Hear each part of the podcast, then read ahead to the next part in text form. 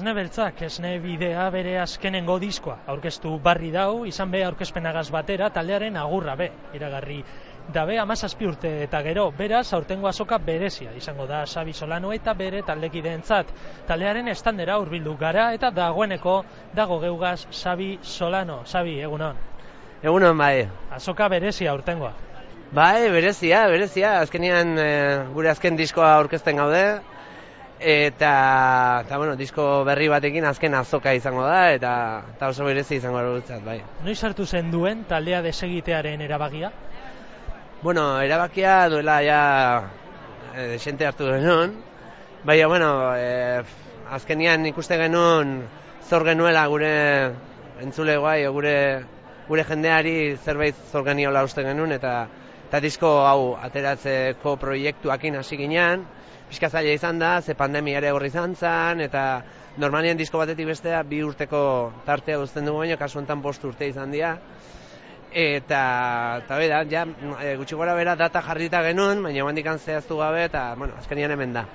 Beraz ez da bereziki gatsa izan, ez da, azkenean dana dauka hasiera eta bukaera bat. Bai, bai dudik gabe, nik uste proiektu guztiak atela, eta denak dula hasiera bat eta bukaera bat, eta bukaera hori alaia balima eta jai batekin ospatu albalima da, zer hobeto.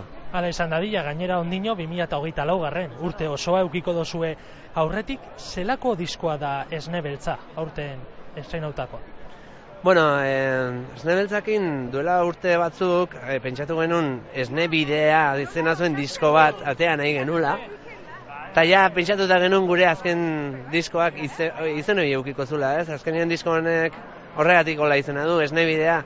Ze diskontan oso ondo reflejatzen du gure bidea, ez?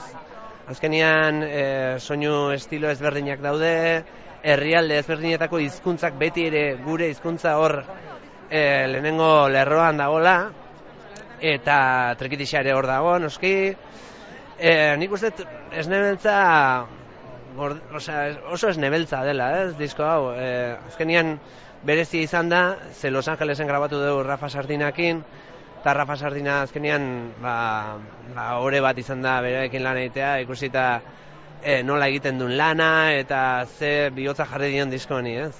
Saspia besti dira, baten bat goraipatzeko? Nola markatu? Baten bat goraipatzeko? Goraipatzeko danak, ne ustez, e, danetan daude kolaborazio oso bereziak, danekin dakoa olako e, maitasuna edo edo lako ba, goxotasun bat, ez? Eta bestietan nabari da, azkenian kolaborazioen arabera baitarea bestiak eginak daude.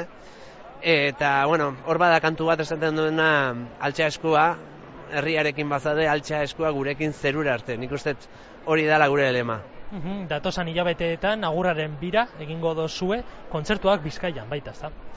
Bai, noski, Euskal Herri guztian emango ditugu kontzertuak, 2008 lauan bitartean, lehen e, bat ja iragarrita dago baina Bizkaian Durangon izango da 40 minutu rock.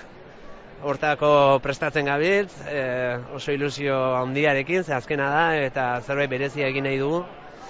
Eta gero ere bai noski 2025ean joko duen kontzertu bakarra izango dela e, gure agurra edo gure azken jaia bertan e, gure urte guzti hauetan kolaboratu duten jendea izango dugu labor gure ondoan gure ondoan ba, berotasunei ematen, ez? Kontzertu polita beraz, zelan gurako zeunke gogoratua izatea?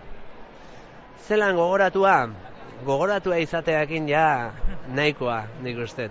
Dana dala zeure bakarkako ibilpideak aurrera egingo da, bondino. Bueno, ikusiko da, bai, guain gozori gelditxuta daukat, ez eh, honekin nabila tope, eta, eta bueno, e, etorriko da, etorri behar dana. ba, Sabi Solano, mi asker tartetxo bat ateragatera gaitik, ze kristolako e, ba, hilara dago, ze e, sinaduraren zain, mi asker. Eskerrik asko, zei.